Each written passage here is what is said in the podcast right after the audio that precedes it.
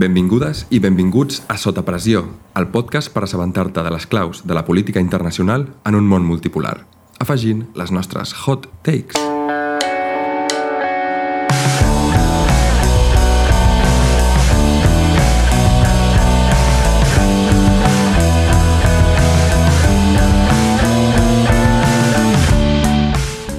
Jo sóc en Joan i tornem puntualment una setmana més amb un programeta nou.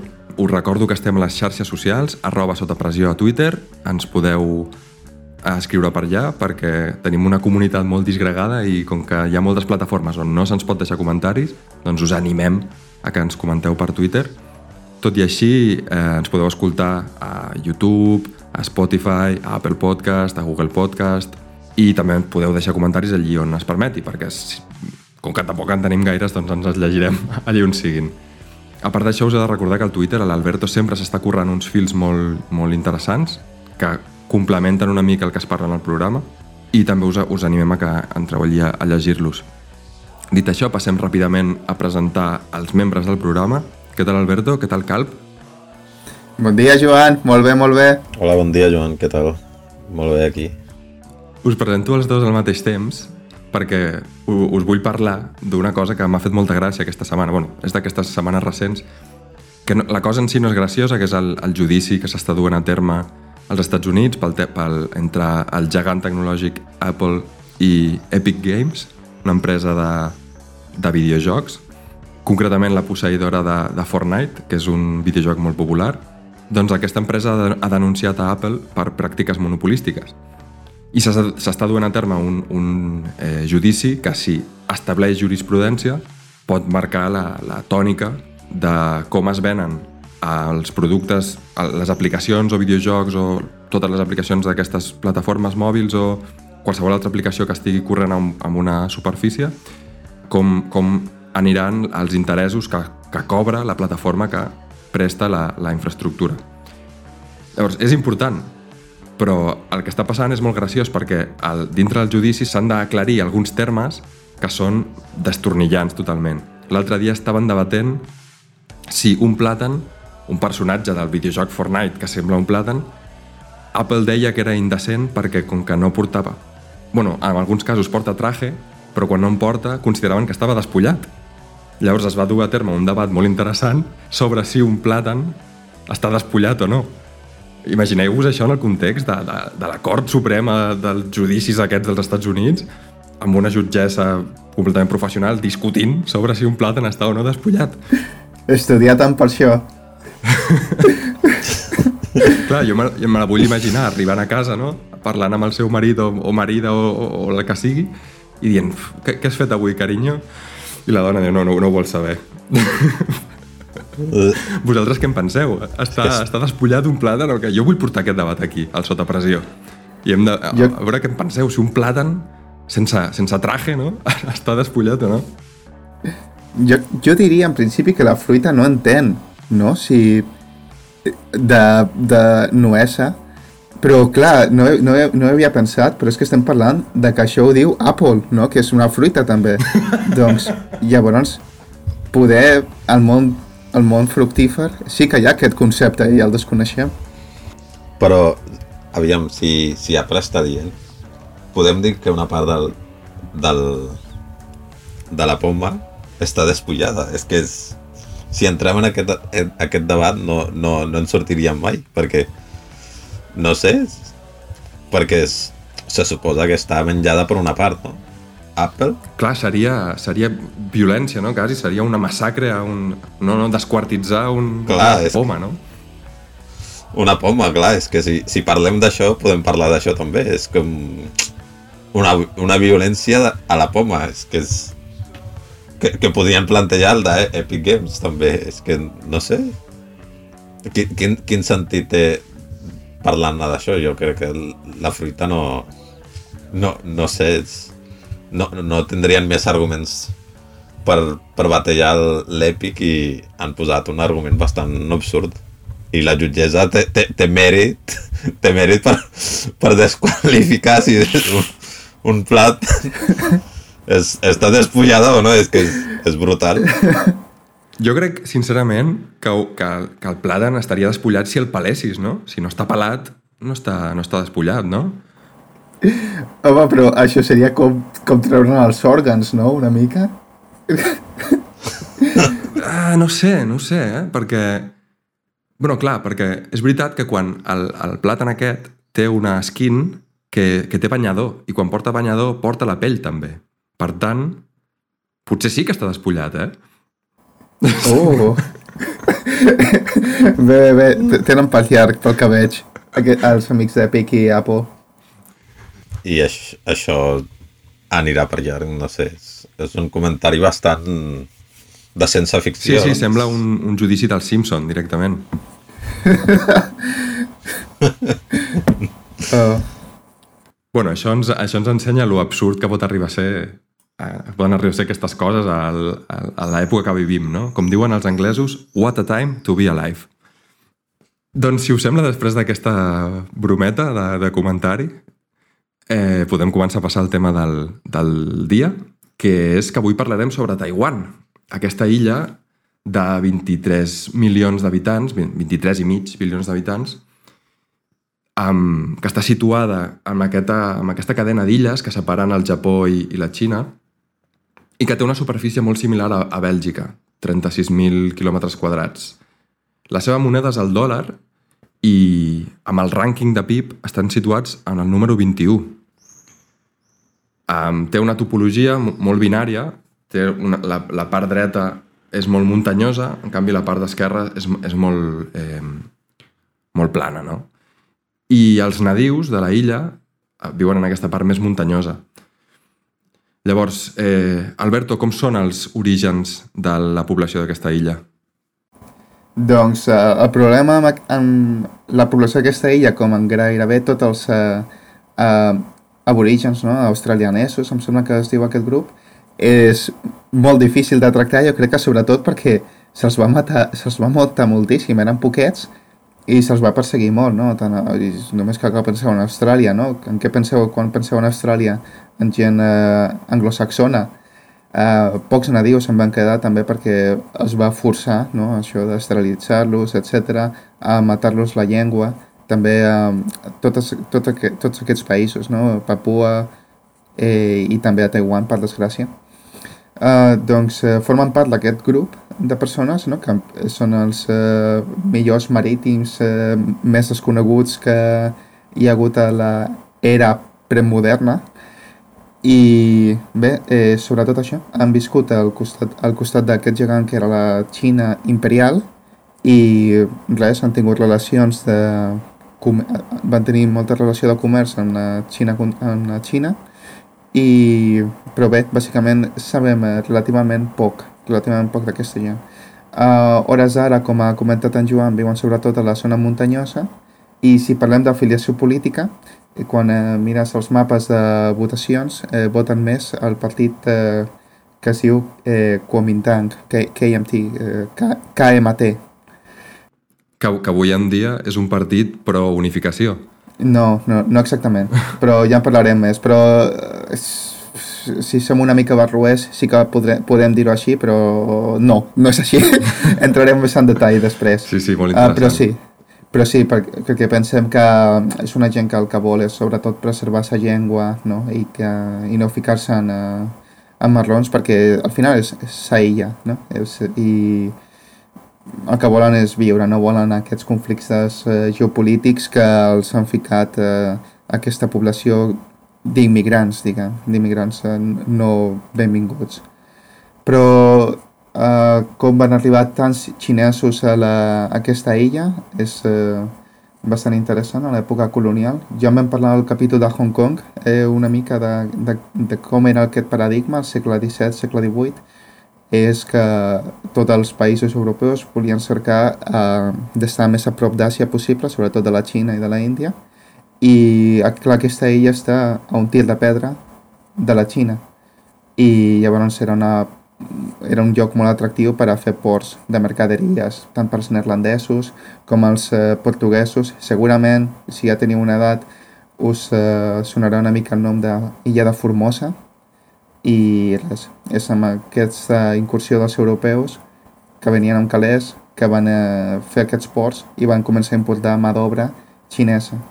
I em sembla que d'unes províncies molt específiques, perquè són les que estaven més a prop, i per això durant molt de temps el xinès que es parlava en aquesta, en aquesta illa era mm, el xinès d'aquella província. Em sembla que es diu Hokkien. I el... Més o menys és el segle XVII quan els holandesos, bueno, tant els holandesos com els espanyols com els portuguesos van tenir molt d'interès en aquesta illa, però van ser els holandesos els primers que, van, que la van... No sé si diria conquerir, perquè realment tampoc la van conquerir, sinó que es van, estar, van establir aquest port, aquest primer port, amb la companyia neerlandesa de les, illes, de les Índies Orientals, al 1630. Però al final també, a, a, a part del que ha comentat Alberto, l'Alberto, és una mica anecdòtic, no?, aquest pas dels europeus per, per Formosa, més enllà de que portessin aquests xinesos cap a la illa.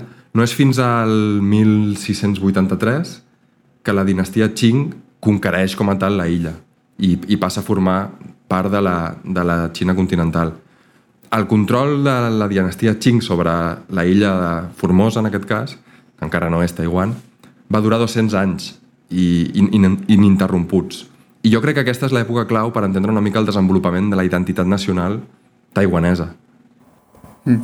Sí, eh, clar, sobretot per aquests immigrants eh, xinesos mantenir el poder de fer això.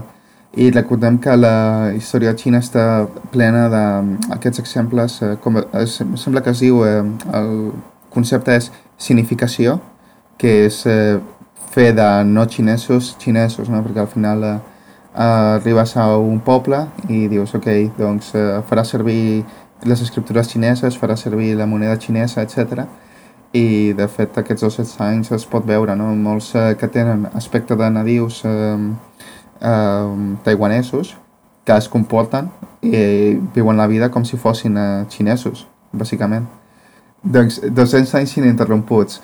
Uh, també amb els que ens trobem aquests 200 anys ininterromputs és, per exemple, amb les, com ja vam parlar en altres programes, uh, de com el Japó expansionista es va fer amb Taiwan, uh, però també bé, ho penjarem al fil de Twitter perquè durant sis dies o així va tenir eh, Taiwan eh, una, la millor bandera que et pots trobar, que és amb un tigre, no? que és la millor mena de banderes perquè eh, volia fer-se independent, perquè així el Japó, diguem, no ataqués a la Xina, una, una parafernària una mica estranya, però i després per voler-se anexionar a la Xina una mica, una mica em recorda la jugada de Texas amb els Estats Units, no? que declaro la independència per anexionar-me i mm, bé, en aquell moment eh, el que es volia era sobretot això eh, hi havia un sentiment eh, xinès eh, per llavors,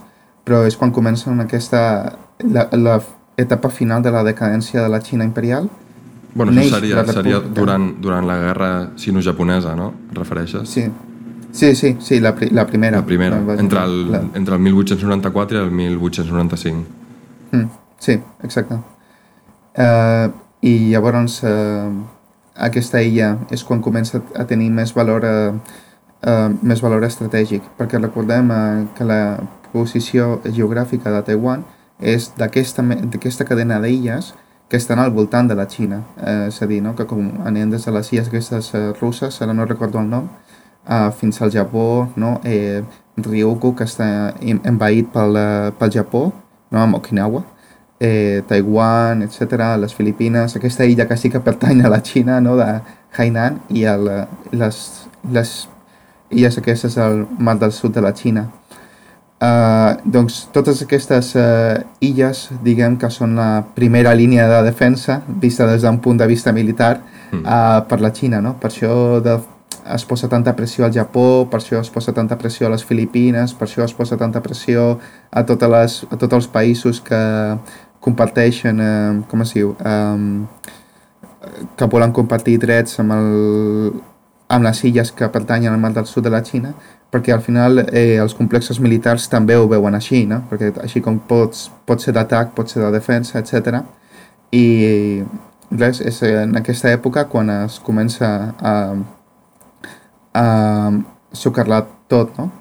a soterrar tot, eh, tot els tota la importància que aquestes illes havien tingut en el passat, no? diguem que en un món, en un món asiàtic sinocèntric, eh, un món global dominat per Occident i per, en aquells moments, eh, Àsia pel Japó. Eh, però aquesta decadència de la Xina, com ja vam comentar en l'altre programa, eh, es veuran alguns experiments, entre uns d'ells la formació de la República de la Xina. Sí, um, jo aquí volia comentar que el, la, durant al final d'aquesta guerra sino-japonesa, amb, la, amb la, aquesta debilitat que comentes de la dinastia Qing, es veu, la, la, la dinastia Qing es veu forçada a signar un tractat de pau per cedir la illa a l'imperi japonès.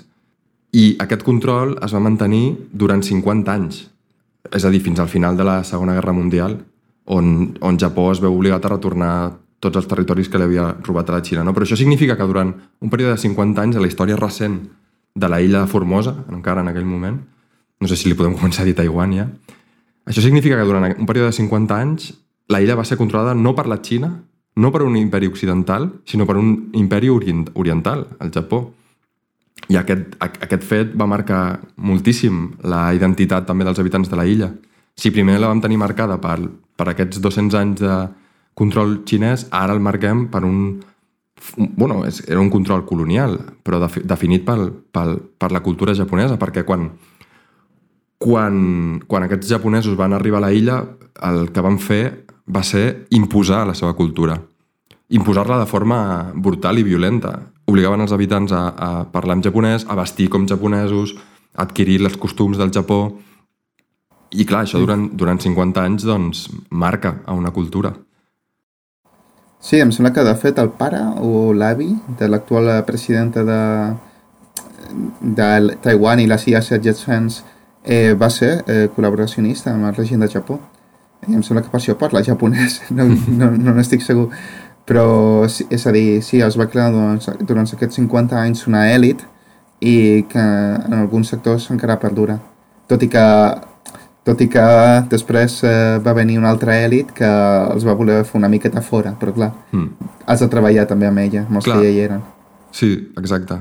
Però el, els, els japonesos, a part de portar tota aquesta repressió cultural, també van portar moltes coses bones, perquè va ser amb els japonesos on, on els taiwanesos, bueno, en aquell moment també japonesos, no, però els, la illa de Taiwan va experimentar un desenvolupament econòmic bestial, perquè els japonesos van, van, els van donar, bueno, els van portar les seves innovacions agrícoles, van incrementar moltíssim um, les exportacions agrícoles, ja no amb la Xina sinó amb Japó, van portar moltes reformes en educació, en bancàries, amb, amb taxació, amb generació d'energia elèctrica, amb infraestructures vials, van invertir moltíssim en sanitat pública, van tractar molt els, ah, bueno, van introduir nous tractaments per malalties que arrasaven directament amb els habitants de la illa, van invertir en hospitals, van crear universitats mèdiques...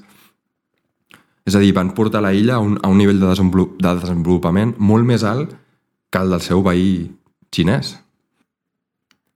Però què va passar després? I jo crec que és un dels temes més interessants de la història d'aquesta regió, que al 1945, al final de la Segona Guerra Mundial, quan Japó es veu obligat a retornar totes les, tots els territoris que l'havia robat a la Xina, eh, aquesta Xina a la que es retorna Taiwan no és la Xina imperial, la Xina de les dinasties que havia sigut fins llavors, sinó que es troben amb la Xina republicana. Una Xina sota el control del Kuomintang i el seu líder Chiang Kai-shek, perquè nosaltres avui en dia tenim la percepció d'aquesta Xina governada pel Partit Comunista Xinès. El Partit Comunista Xinès no va accedir al poder fins guanyar la guerra civil xinesa precisament contra el Kuomintang. I per què estem explicant aquesta història? Doncs perquè Chiang Kai-shek es va haver de refugiar en aquesta illa de Taiwan. Però amb aquesta illa de Taiwan no el van rebre amb els braços oberts. Però què, què havia passat a Taiwan quan havia passat a mans de la Xina? Doncs que la Xina amb el Kuomintang i Chiang Kai-shek com a president o com a màxim representant o com a... Sí, més aviat era un, un generalíssimo. Havia causat una repressió brutal a Taiwan, perquè Taiwan, en aquell moment, era més japonesa que, que xinesa. I quan els xinesos arriben allí, es troben amb l'enemic, entre cometes. Es troben amb gent que parla en japonès, que vesteix com japonès, que té les costums de japonès, I clar, un, un exèrcit com el xinès, que era un exèrcit super poc professionalitzat, fins i tot podríem dir que era amateur, i clar, arriba a una zona que a més és molt més rica que, la seva prop, que el seu propi país, que la Xina, doncs comencen a, bueno, a fer, a malbaratar-ho tot, no? comencen a, a robar propietats, comencen a, a prendre el control de les empreses, comencen a, a bueno, agafen el control de les institucions, però de forma absolutament corrupta. Llavors comencen a portar el, el, a la zona que està de Taiwan amb un estat de, de bueno, la gent estava molt malalta, eh, començaven a passar gana, i es produeix un temps que dura, diria que 30 anys, de llei marcial. Comença una repressió militar brutal a Taiwan. I, per, i tot això per culpa d'uns cigarrets. Resulta que amb, aquesta, amb aquest nivell de pobresa hi havia una, una plaça pública on una, una senyora vídua estava venent cigarrets de contrabando.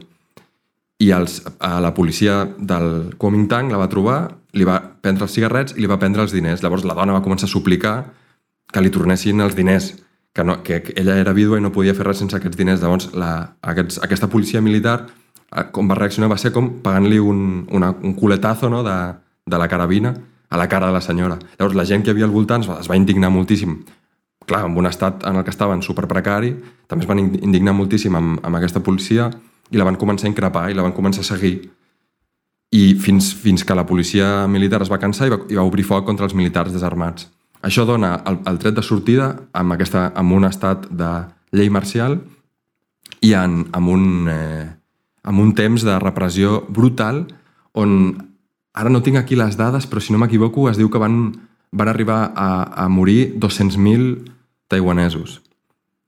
Perquè la, aquesta repressió va començar contra la gent que s'havia rebel·lat, però va continuar contra, contra gent que podia semblar propera al Partit Comunista Xinès, perquè en aquell moment era quan estaven havent-hi aquestes tensions entre, la, entre el Partit Comunista Xinès i el Kuomintang, el, el representant de la República de la Xina.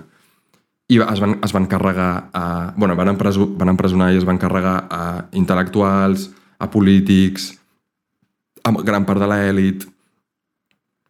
Clar, en aquest moment no podia haver un moment on, el, on la gent de Taiwan estés més enfadada amb els xinesos? Doncs resulta que en aquell moment és quan la Xina comunista expulsa o fa marxar a la República Xinesa i, i de, a, veure, a veure si, si endivineu cap a on se'n va la República Xinesa. Bingo, cap a Taiwan. No sé, cap a Taiwan. Doncs eh, molt, molt interessant això que s'ha explicat. Eh, això eh, que es jo sí que sabia que va ser en aquest període quan es va començar a fer servir el mandarí, no? com ja he explicat abans, eh, tu bé has dit eh, que molta gent parlava japonès, però hi havia molta gent que també parlava altres llengües, i l'illa de Taiwan parla mandarí, i és eh, gràcies, a, o sigui, gràcies a aquest període de Chiang Kai-shek eh, i d'aquesta repressió, perquè es va esborrar gairebé tota, tota la resta. Vaja, em sembla que el seu llegat es veu encara avui dia. Es, quan he cercat de on s'ensenyen les llengües aquestes, eh, sobretot originals, eh, molt poqueta cosa, molt poqueta cosa. I exacte, en aquella època entrem al... Direct, entrem ara, estem al, en el context històric, 1949 és quan és reconegut com, com, com un país i es declara com la, la república xinesa, diguem. I no oblidem que l'altra la, Xina que coneixem actualment es deia la República Popular Xinesa. I, i clar, fins a partir de 1949, internacionalment, ja, ja entràvem en una guerra freda entre, entre Estats Units i, i, i Rússia. Fins en aquest moment és quan Estats Units volia tenir contactes o el poder, diguem, el, a la Xina continental i va estar reconeixent el, el, a Taiwan.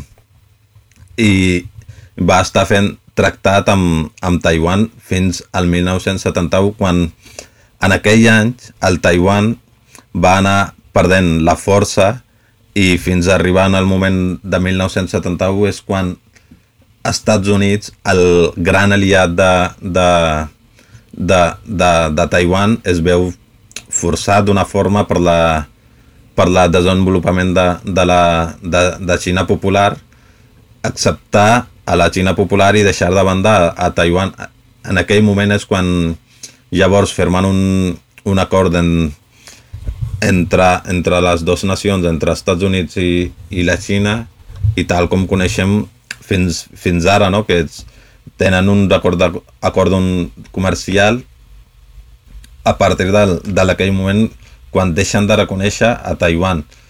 No oblidem que en, en tota l'època aquella de 1949 fins a 71 es va, es, va, va estar reconegut com, com un hereu legítim de tota la Xina i és eh, el representant el representant de la Xina unificada, diguem, anava de, del, de Taipei, diguem, el, la capital de capital taiwanesa.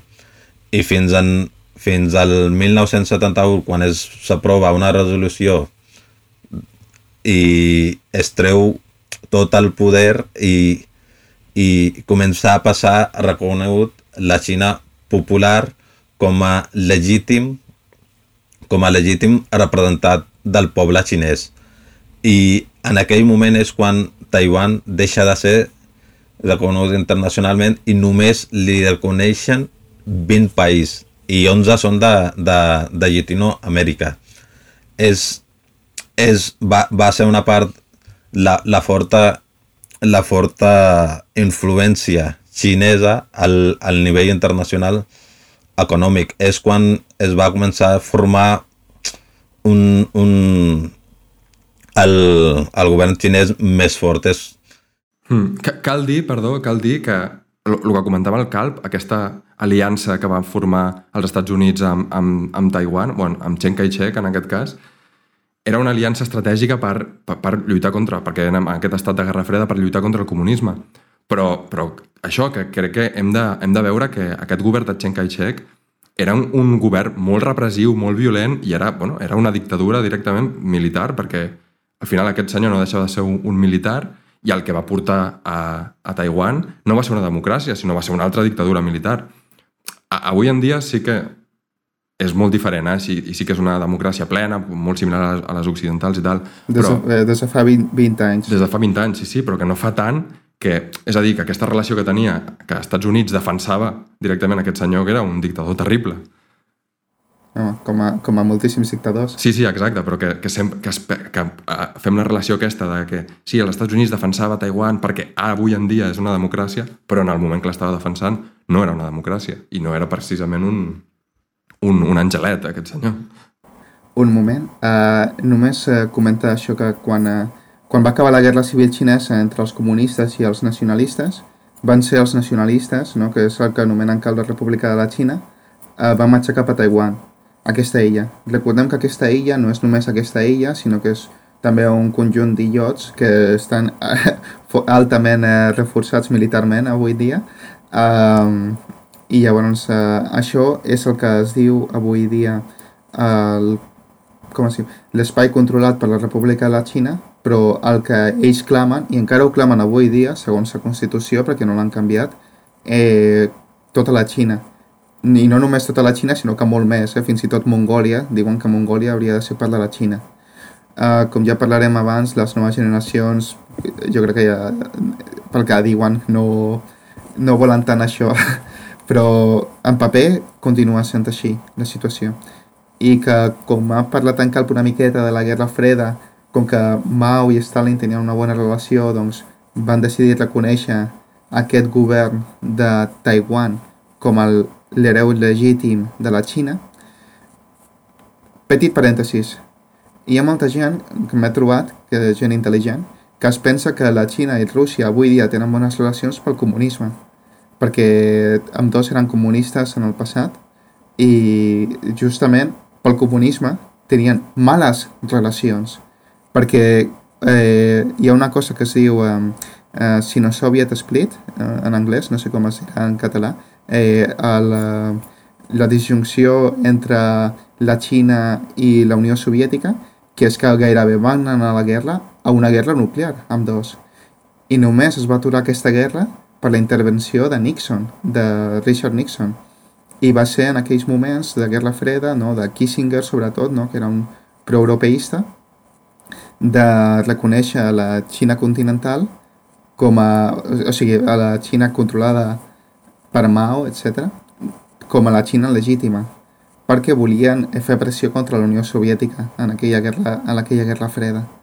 Doncs eh, eh, també és el període eh, que pel final, eh, diguem, eh, quan es comença a veure això que comentava en Cap, no? de que hi havia pocs països que els reconeixien, i també un altre punt important és que aquest senyor, Chiang Kai-shek, també era un militar però era un nacionalista i mai va deixar de defensar que això que ells eren els herois legítims de la Xina i per això, tot i que no va, signar, no va voler signar una, un tractat de reunificació amb Deng Xiaoping perquè recordem que el, com es diu, la proposició d'un país on dos sistemes que fa servir avui Hong Kong, eh, si en voleu saber més escolteu el nostre programa sobre Hong Kong eh, era sobretot, va ser ideat sobretot per a Taiwan per a la reunificació en Taiwan.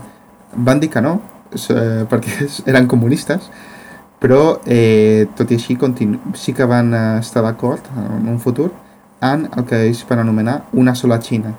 És a dir que amb dos eh, tant el govern de Taipei com el govern de Beijing reconeixen només una Xina i que qualsevol país del món ha de triar entre reconèixer a Taipei o reconèixer a Beijing. Això, òbviament, els ha portat molts problemes a la illa de Taiwan perquè, eh, òbviament, eh, la Xina ha anat crescut, crescut econòmicament i, òbviament, eh, fins i tot avui dia es veu a Paraguai o fins i tot al meu país, Honduras, que hi ha molta gent que diu els podríem estar venent carn, els podríem estar venent eh, de tot a la Xina i no ho estem fent. Mentre els nostres veïns, sí. No, jo recordo El Salvador, eh, el país veí eh, del meu, que fa poc que per reconèixer la Xina amb el govern de uh, Bukele i res, això, s'han vist, vist molt beneficiats, fins i tot en tema de vaccins avui dia. Però anem una mica cap enrere. Uh, quan quin és el llegat llavors que deixa Chiang Kai-shek, eh, que deixa el KMT, el, el KMT, és eh, això, un tractat signat d'una sola Xina, una constitució on et reconeixes com la, com la única Xina, eh, feblesa inter, en les institucions internacionals, i, però un desenvolupament econòmic que eh, encara continua avui dia. No? Llavors, en, en aquell període uh, del KMT quan es va crear TSMC, no? que ja, ja en parlarem una mica més tard, però és això una empresa on es fan, uh, on es fan chips, no? es prenen altres d'Apple, de Qualcomm, etc i els fabriquen allà i els fabriquen sobretot a, els més desenvolupats a Taiwan i eh, però res, una mica també amb una força militar bona per aquell moment però eh, és amb una gran desafecció per part de la població de, de l'aparell militar. Llavors, l'única gent que, deix, que voldria afiliar-se a les institucions militars serien la gent més nacionalista i no tant la progressista. Vols afegir? Perquè si no podríem entrar ja a la política als partits democràtics que hi ha a la, a l'illa de Taiwan, o sigui que hi ha a la República de la Xina. Sí. Sí? Ok. Sí, sí. Bàsicament és un sistema bipartidista i amb dos partits són uh, d'ideologia liberal, eh, o sigui, molt semblants a... Uh, ostres, no sé, no segueixo tant la política de Catalunya o d'Espanya. Imagino que serien amb dos semblants a PP, imagino, el Partit Popular. Eh, L'única diferència és que el, el partit eh, que es diu el Partit eh, Democràtic, DPP, um, és, el, és un partit que diu, sí, liberals amb tothom, excepte amb la Xina, és a dir, tenim, volem eh, tenir una llibertat econòmica, venim, volem eh, fer comerç amb tothom, excepte amb, amb la Xina eh, continental, perquè és el nostre enemic, eh, el nostre enemic com es diu, eh, existencial, perquè ens volen absorbir i el KMT diu no, ens hem d'aprofitar també d'aquesta economia eh, de la Xina continental i també hem de comerça, co, eh, fer comerç amb ells. Uh, dit això, els, com que el KMT va estar molts anys en poder amb una dictadura militar, doncs té una mala imatge respecte a això. Eh, també la majoria de gent de Taiwan, eh, són sobretot xinesos, no? els pobres nadius eh, que estan a les muntanyes eh, cultivant pinyes, eh, es diu pinyes en català, no? Ananes. Eh, es, voten sobretot el KMT, però ja, ja em diràs.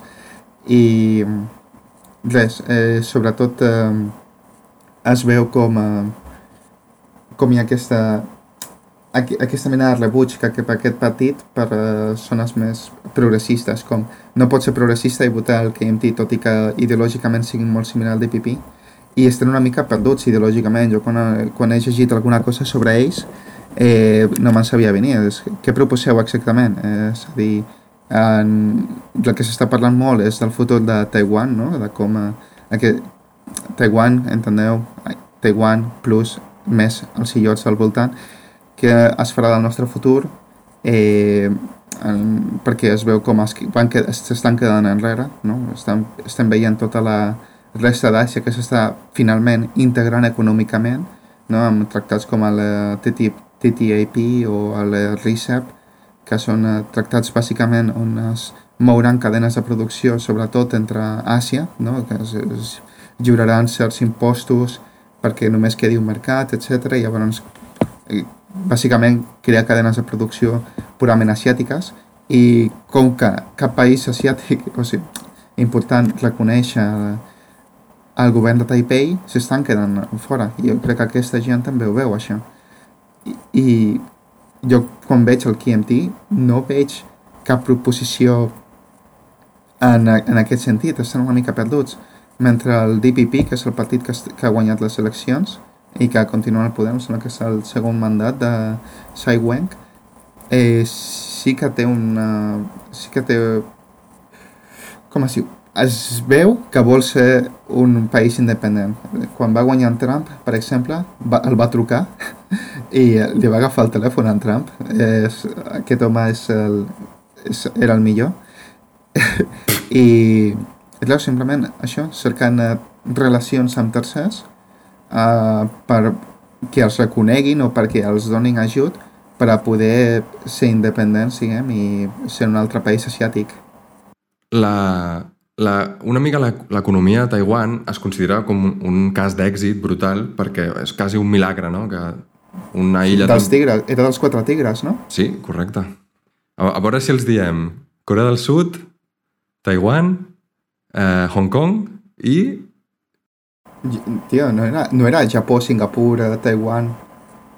No era Japó, Singapur, I Japó, Taiwan, Hong Kong? faltava Japó. I Corea del Sud. Però Corea, no era, Corea del no era Sud, Corea. Corea del Sud és un dels quatre tigres, seguríssim. Sí o què? Sí, sí. Sí? Ok, un moment. Fem fact-check. Fact-checking en directe. Vull, vull escoltar un teclat. Estic, estic fent-ho amb el telèfon. Sí, sí, sí. No, no s'incloïa el Japó? Ah, no s'incloïa No s'incloïa el Japó, tens raó. És Singapur, Hong Kong, Taiwan i, I Corea uh. South Korea. Uh -huh. Vale, bueno, ja. Ja ho tenim. Doncs això, aquesta, aquest mila- milagre econòmic ve en gran part donat per les polítiques que va impulsar el Kuomintang, després, bueno, que l'Alberto l'ha estat anomenant com KMT, són, són, és la, la contracció de Kuomintang, eh, un cop Chiang Kai-shek va morir, perquè fins que no va morir Chiang Kai-shek el país seguia sent bueno, això, una dictadura militar, no? I a partir d'allí eh, la, la retòrica que es coneix és que el país va començar a- a aplicar unes mesures de liberalisme absolut i que aquest liberalisme absolut el van portar a aquest èxit econòmic. El qual és fals, perquè sí que hi havia un liberalisme mm, més o menys, no? Eh, un liberalisme com, com es podria donar, per exemple, a Espanya o a Catalunya, però hi havia una, una gran ajuda del govern cap a indústria estratègica.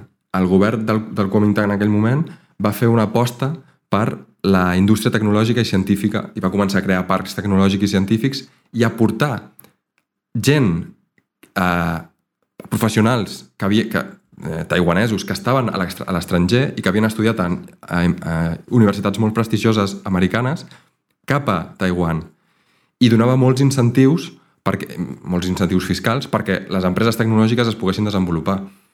Van portar, per exemple, a un dels caps de Texas Industry, no, Texas Labs, com es diu? Um... Texas Instruments. Texas Instruments, que és aquesta empresa de, mm, famosa que segur que la coneixeu per les calculadores.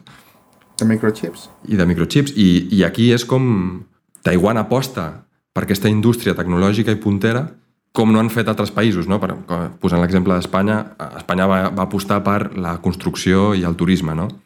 Doncs bueno, ja podem veure una mica les diferències d'una cosa i l'altra, d'apostar per indústria estratègica o no. I de fet és, és quan neix l'empresa TSMC, l'empresa més gran actualment de les chips. Imagineu, és l'única empresa que la, les relacions entre, entre Xina i Taiwan, tot i no són, són, són, són així cordial, l'exportació més gran que fa, fa de chips el Taiwan és cap a, cap a Xina. I Xina en bona part de, depèn del, de Taiwan. Si no fos per tota la tecnologia que, que, que, que porten i tota la importació que fan de, de, de, del govern de Taiwan ja haurien ocupat, entre cometes, la, la IA, però és que depenen tecnològicament de, de Taiwan i el, tots els xips que fabriquen l'empresa TSMC, els, els xinesos ho, ho van començar a fer localment i encara no s'han no s'han han sortit.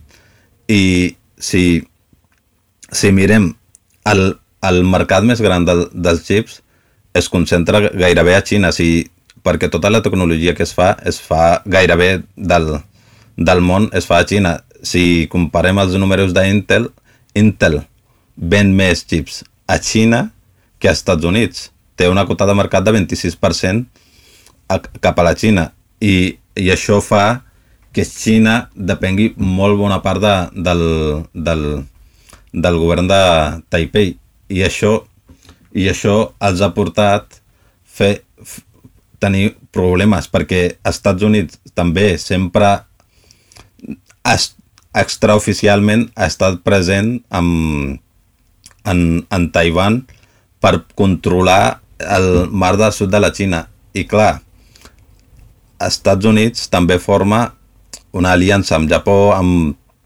amb Corea del Sud, amb, amb Taiwan i amb, amb l'Índia. I per tenir una presència allà i perquè no es pugui controlar per, per, per, per Xina. I Xina no, no està en els interessos de Xina perquè puguin tenir un conflicte directe amb, amb Taiwan. I l'economia, bona part de, de Taiwan, és, depèn dels xips i són els pioners en aquest sentit en, en l'últim programa em, em sembla que va, va explicar molt bé Alberto que cap país té una cadena de producció per fer els xips. El TSMC tampoc en té una cadena de producció. I tot es fa en parts. Algunes parts es fan a Holanda, l'altres es fan a, a Taiwan i, i Xina actualment està, està apostant fortament per la tecnologia de chips i de fet el govern de Taiwan està bastant preocupat perquè el Xina vol portar els molts enginyers cap a, cap a Xina per, per establir el cadena de producció, cadena de producció. I de fet el, el Taiwan ha reclamat diverses vegades perquè això no passés i, i de fet quan va arribar el Trump és quan compren armament armament de, del govern de, del Trump que va ser una un, un, una miqueta de frau entre cometes perquè els van vendre de, a un preu molt i molt car un, un, un avió de F-16 que ja no gairebé no es fan servir que ara estan fent servir F-35 els van vendre al, al preu de F-35 de la, de la última generació. Veieu l'obsessió que també en té el govern de Taiwan perquè no els puguin invadir per, per la part de, de, de, de la Xina. Sí, exacte. És que el, el govern de la Xina, el Partit Comunista Xinès, eh, va declarar ja, ja fa temps que per 2049 anexionaria tots els territoris històricament de, bueno, del, del territori xinès, no? I, el, i actualment es veuen mm, alguns avions xinesos penetrant l'espai aeri de Taiwan i, clar, Taiwan doncs, té aquesta por de, de ser invadits per la Xina. Una coseta. Quan, quan, aquesta, quan la, la illa de Taiwan, o sigui, la República de la Xina amb Chiang Kai-shek, era més desenvolupada que la Xina continental, era al revés, eren els avions del Kuomintang que anaven a patrullar per la Xina continental. Sí, sí. De fet, eh, el mapa de la zona aèria de, de Taiwan entra dins de la Xina continental, però un bon tros. Sí, sí, clar. És, és més, o sigui, Chiang Kai-shek es va, es va eh, se'n va anar a, a Taiwan amb l'esperança de regrupar-se allà, regrupar les seves tropes i tornar a invair la Xina continental. Per això va tenir el suport tant de temps de, de la, la cadira de les Nacions Unides i tot com a representant de, de, de la República Xinesa, perquè la intenció era recuperar aquesta Xina continental per part de, de Taiwan. Aquest, aquest tipus d'invasions d'espai aeri es fan per reconèixer la velocitat de reacció de l'exèrcit del país on estàs inveint l'espai aeri, no? I normalment això ho fan les agències d'intel·ligència per recabar informació dels exèrcits dels altres països. No té, no, no té per què voler dir directament que vols invair aquest país, però, bueno, de fet, aquestes són pràctiques que, per exemple, l'exèrcit marroquí està duent a terme constantment a, a zona espanyola per les Illes Canàries i d'aquí no, ningú diu res d'això, no? però, però aquest tipus de maniobres són relativament habituals. Sí, o als Estats Units, en Venezuela també ho va fer mm -hmm. molts anys. Sí, passa molt, passa molt a tot arreu. Eh, bé, dit això, eh, perquè en Joan ha parlat de que la Xina continental té aquest pla de reunificar-se amb la illa de Taiwan, eh, però hem de veure també no, què, pensa la, què en pensa la població eh, com ja hem comentat una mica, no, el, K, el KMT actual, no, el, el Kuomintang actual, eh, és, està una mica ambivalent, no saben ben bé com identificar-se. Però la gent que hi viu, quan eh, fa no res, es va fer una Pew, es, a Pew Research, es va fer una gran consulta i es va veure que la majoria de la gent a Taiwan s'identifica com a taiwanesa, el qual em fa una mica de pena pels eh, taiwanesos de abor aborígens, no? els, eh, els primers que, i vivien allà, uh, però ara els uh, xinesos que viuen allà també s'identifiquen com a com a taiwanesos i no pas com a xinesos. També la gent que vota al, al Kuomintang s'identifica eh, s'identifica majoritàriament com amb dos, no? taiwanès i xinès, però també una gran part, em sembla que 30%, eh, s'identifica com, només com a taiwanès. Per això em sembla una, un gran error quan es diu que oh, el Kuomintang està és, eh, com es diu, pro-Xina, és, eh, és, està a favor de la reunificació, no és ben bé així. Avui, a, a hores ara, a, no és factible que hi hagi un nombre suficient de persones com per a que democràticament eh, hi hagi una reunificació. Els escenaris són de reunificació són o una invasió total o fer-ho com eh, una mica com va fer Rússia, no? fent servir la, aquests, poques, aquestes poquetes persones eh, que s'identifiquen com a xinesos que volen formar part de la Xina continental eh, i intentar, com es diu, armar-los, etc. i dir, oh, estan matant la nostra gent, hem d'entrar, una cosa així. Perquè d'una altra manera no és possible. Jo per això crec que no hi haurà invasió, ni avui, ni demà, ni el 2049, però hi ha molta pressió política per part de la Xina continental, no? perquè òbviament hi ha molts nacionalistes allà que sí que ho volen, i llavors cap president seria un suïcidi polític eh, dir que no volen aquesta reunificació.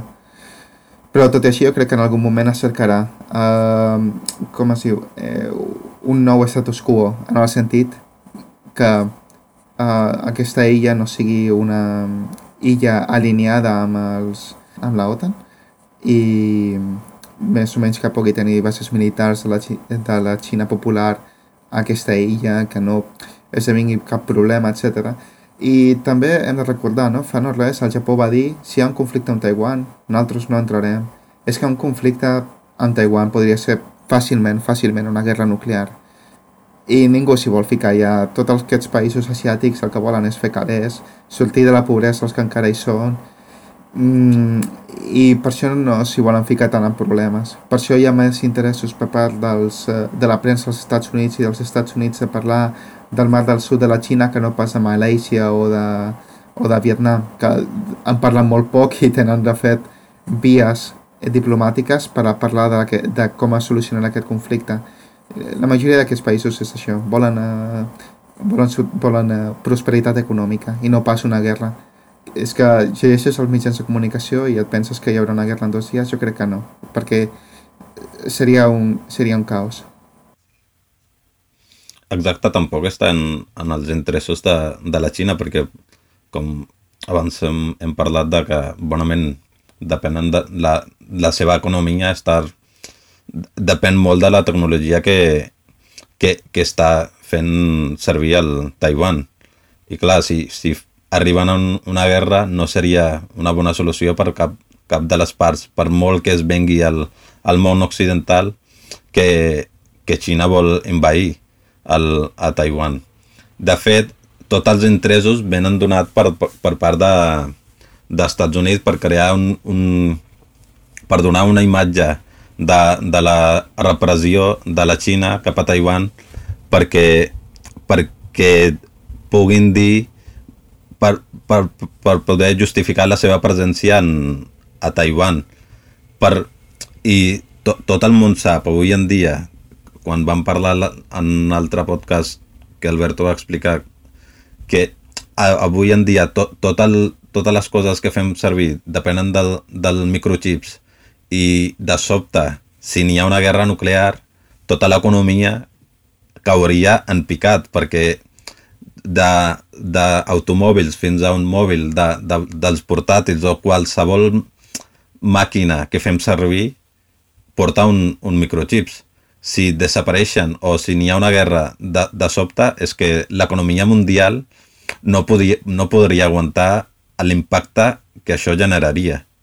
I no, és els, no està en els interessos de, de cap país, ni de Xina, ni de Taiwan, ni d'Estats de, Units, per molt que facin soroll en, el, en els mitjans de comunicació, no, no, no veuen com, com, una, com un escenari, però en canvi Xina, al llarg plaç, sí que tenen una ruta però que final seria una solució com, com, com Hong Kong. No, ni això, jo... ni això. Jo diria no. com Turquia, com Turquia pels Estats Units. Que només puguis comprar armament militar de la Xina, que tinguis bases militars de la Xina, coses així. Crec. Hmm. Vaja, opinió, opinió personal, eh? Opinió personal. Jo crec que l'aproximació la, hong, hongkonesa és impossible a Taiwan, però, però discrepo una mica amb l'últim que ha comentat en, en Calp, perquè jo crec que aquí hi ha un factor que no sé si hem comentat, que és els, les sancions que els Estats Units va imposar a, als països que fessin, bueno, amb la guerra comercial, vaja, amb la Xina, que fessin negocis amb la Xina. I la Xina és dependent d'aquests xips de Taiwan encara. I en aquest sentit sí que pot haver una mica més de tensió, perquè la Xina no ha pogut desenvolupar-se més tecnològicament en el sector dels semiconductors per culpa de les sancions dels Estats Units i si a part es limita també aquesta entrada de xips a la Xina per part dels Estats Units perquè no, li, no bueno, i de la pròpia Taiwan que no vol comerciar amb la Xina la Xina es quedaria fora d'aquesta cadena de subministrament de xips i, i com, com ha dit en Calp també, doncs és un, un dels punts de les economies més importants del món, no? aquest subministrament de, de semiconductors. A veure, estan emprenyats per això de, de que, comentes, que comentes dels xips, però és que si penses, és que si envaeixes, els primers que surten uh, disparats són, el, són aquesta gent els, uh, que tenen diners. Clar, clar, clar. I són sí, aquests sí. enginyesos. Es, podrien localitzar aquesta gent perfectament a Texas, saps? Mm -hmm. Per fer-ho. Llavors, no té, no té sentit. Sí que crea tensions, sobretot per aquest govern que ha tingut, que té ara en eh, Taiwan, eh, de Tsai Ing-wen del Partit Demòcrata perquè ha fet servir moltíssim, moltíssim eh, els atacs contra la Xina. Fem un repàs, va, uh, perquè és, és que ho ha fet, fet, he fet servir massa. En les protestes a Hong Kong els va fer servir moltíssim uh, el tema de Hong Kong per dir això és el que ens passarà quan la Xina ens absorbeixi, ens trauran les llibertats, ens ficaran a la presó, no podrem dir res, etc. Tot aquest missatge ho va fer servir eh, políticament eh, per, a, per a poder guanyar les eleccions i aquesta senyora crec que no li importa gens Hong Kong perquè pot obrir les fronteres als hongkonesos i dir tothom que sigui de Hong Kong, que tingui el passaport a Hong Kong, ja que el tenen, pot entrar a aquesta illa. És que, I no ho ha fet. Mm. I fins i tot ha parlat l'entrada a gent que, de hongkonesos que volien entrar. Alguns, eh, hi ha casos, de, sobretot una dona, que ha acabat com a prostituta a Taiwan, perquè era això, va, fugir de Hong Kong perquè la estaven perseguint per uns delictes, i, però no podia treballar, no podia fer res i al final ha acabat de prostituta.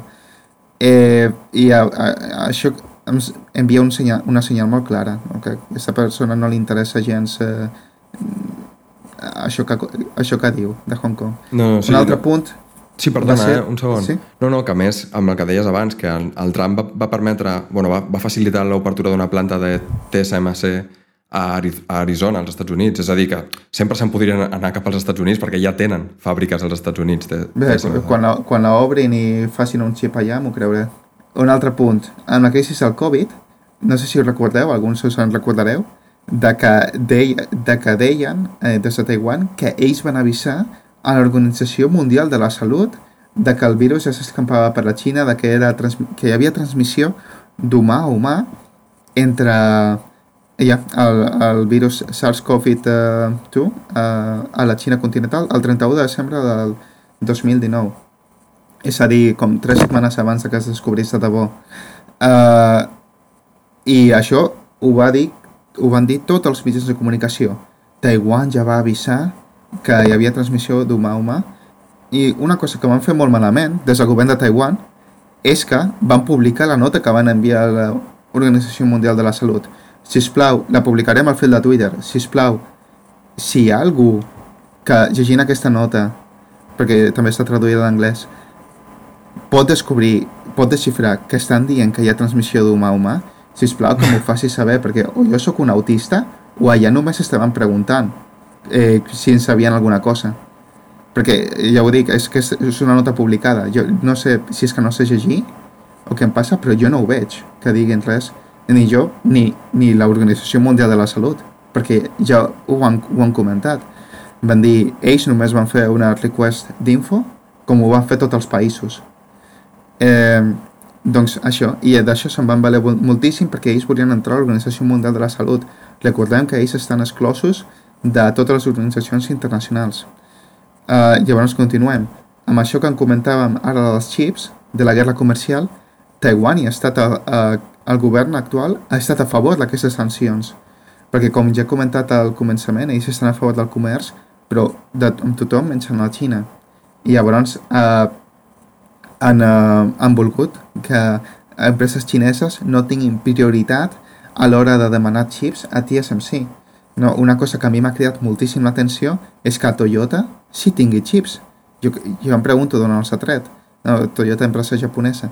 I moltes empreses xineses mm, no els estan arribant tant aquests xips. Um, doncs, uh, llavors també ens podem veure com estan finançant també think tanks i eh, juntament amb el Departament de- d'Estat dels Estats Units per a fabricar notícies sobre la Xina eh, siguin reals o no perquè no, no ho sé, no visc allà ni llegeixo xinès ni res però simplement això diu molt de, de fins a quin punt volen, eh, com es diu, destrossar la imatge de la Xina per a tenir un benefici electoral i jo crec que realment els importen molt poc aquestes coses. Només volen tenir aquest rèdit electoral per tenir poder entrar a les institucions internacionals i poder ser un país independent. Doncs ens quedem amb aquestes últimes reflexions, Alberto, molt, molt certeres, a la meva forma de veure. Eh, aquesta setmaneta no tenim, no tenim comentaris però no passa res. us, us encoratgem a que, a que en deixeu a partir d'ara, perquè ens permeten tenir debatets o converses com les que vam tenir en l'anterior programa. I dit això, res més. Eh, Donar-vos les gràcies als oients i també a Alberto Calp, a vosaltres dos, per, per aquesta estoneta. Ha estat molt bé, ha estat molt bé. I doncs ens, ens veiem la setmana que ve. Aquí. Adeu, passi-ho bé, petonets. Adéu, Adéu. bon dia.